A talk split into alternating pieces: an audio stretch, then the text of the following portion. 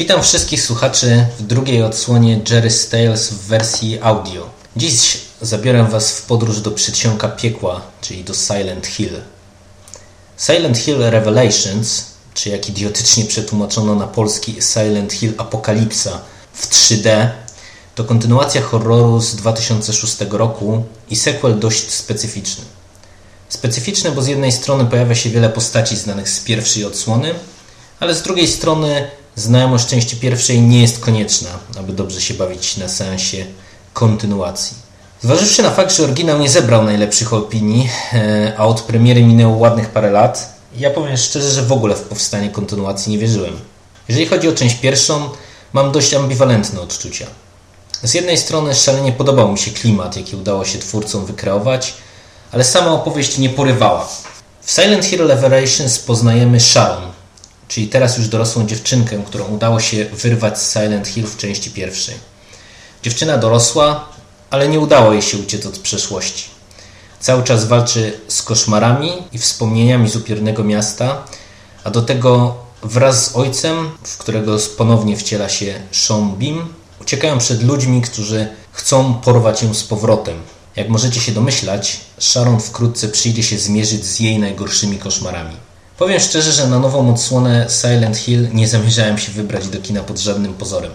Odstraszało mnie 3D, y, którego nie cierpię i fatalne recenzje. Na seans zostałem wyciągnięty, ale w sumie z perspektywy okazało się to być bardzo szczęśliwa decyzja. Okazało się, że jak to często z horrorami bywa, słabe recenzje nie oznaczają złej zabawy w trakcie seansu. Ale o plusach później, bo najpierw trochę pomarudzę. Po pierwsze, fabuła. Niestety, podobnie jak w części pierwszej, powiedziałbym, że jest dość miałka, mało angażująca i z dość banalnym finałem. Problematycznie wypadają także bohaterowie drugiego planu. W nowej odsłonie udało się zgromadzić sporą grupę uznanych aktorów, takich jak Sean Bean, Carrie Moss czy Malcolm McDowell. Niestety mam wrażenie, że poza tym pierwszym, a i to ledwo, niespecjalnie mają co grać i twórcy ich po prostu nie wykorzystali. I to nawet nie dlatego, że mają jakieś nieznaczące role. Po prostu dostałem jakoś mało ekranowego czasu. Szkoda bardzo, bo w mojej ocenie chociażby postać grana przez Carrie Moss aż prosiła się o jakieś rozbudowanie i pogłębienie. Ale słusznie zapytacie, jeżeli fabuła słabuje, a gwiazdy niespecjalnie mają co grać, skąd pozytywna opinia?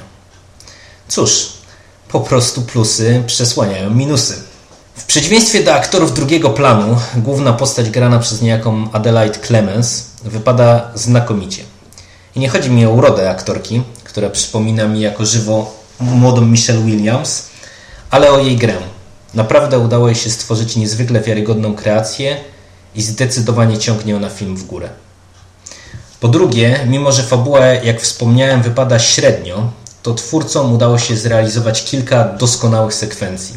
Jak chociażby scena w szkole, która przypomina mi trochę motywy z koszmaru z ulicy Wiązów, jak spotkanie ze słynnymi pielęgniarkami z Silent Hill, czy mój absolutny faworyt e, tej odsłony, czyli znakomita scena z dość specyficznym pająkiem.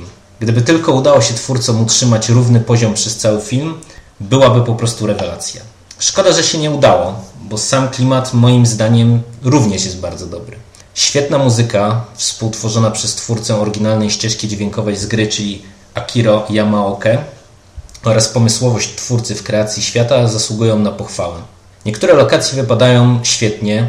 Zobaczcie chociażby sekwencję, w której do Silent Hill nadchodzi ciemność, a napotkane w nich potwory naprawdę potrafią wywołać dreszcz na plecach. Potwory docenią szczególnie miłośnicy Barkera.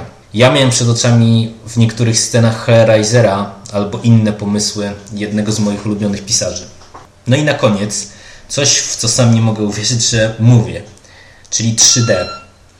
Nie lubię 3D, ale w tym filmie wypadło zadziwiająco dobrze. Mam wrażenie, że twórcy wiedzieli, co chcą pokazać i jak. Oczywiście można się bez tego obyć, ale pierwszy raz od dawna nie czułem się, że ktoś wyciąga ode mnie kasę za nic. Cały film od strony wizualnej wypada świetnie, ale 3D tylko poprawia moje dobre wrażenie. Zatem jak to jest z tym Silent Hill? W mojej ocenie dużo lepiej niż chcieliby krytycy. Nie, spodziewaj, nie, nie spodziewajcie się wybitnej historii, ale jeżeli, jeżeli lubicie barkerowski klimat e, albo podobała się Wam część pierwsza, zachęcam do zapoznania się z sequelem, który momentami wypada naprawdę rewelacyjnie i tylko szkoda, że jest aż tak nierówny. Jest nierówny, ale między nami mówiąc ja i tak wolę taki horror niż kolejny tak modno ostatnio found footage albo jakieś opętane ghost story.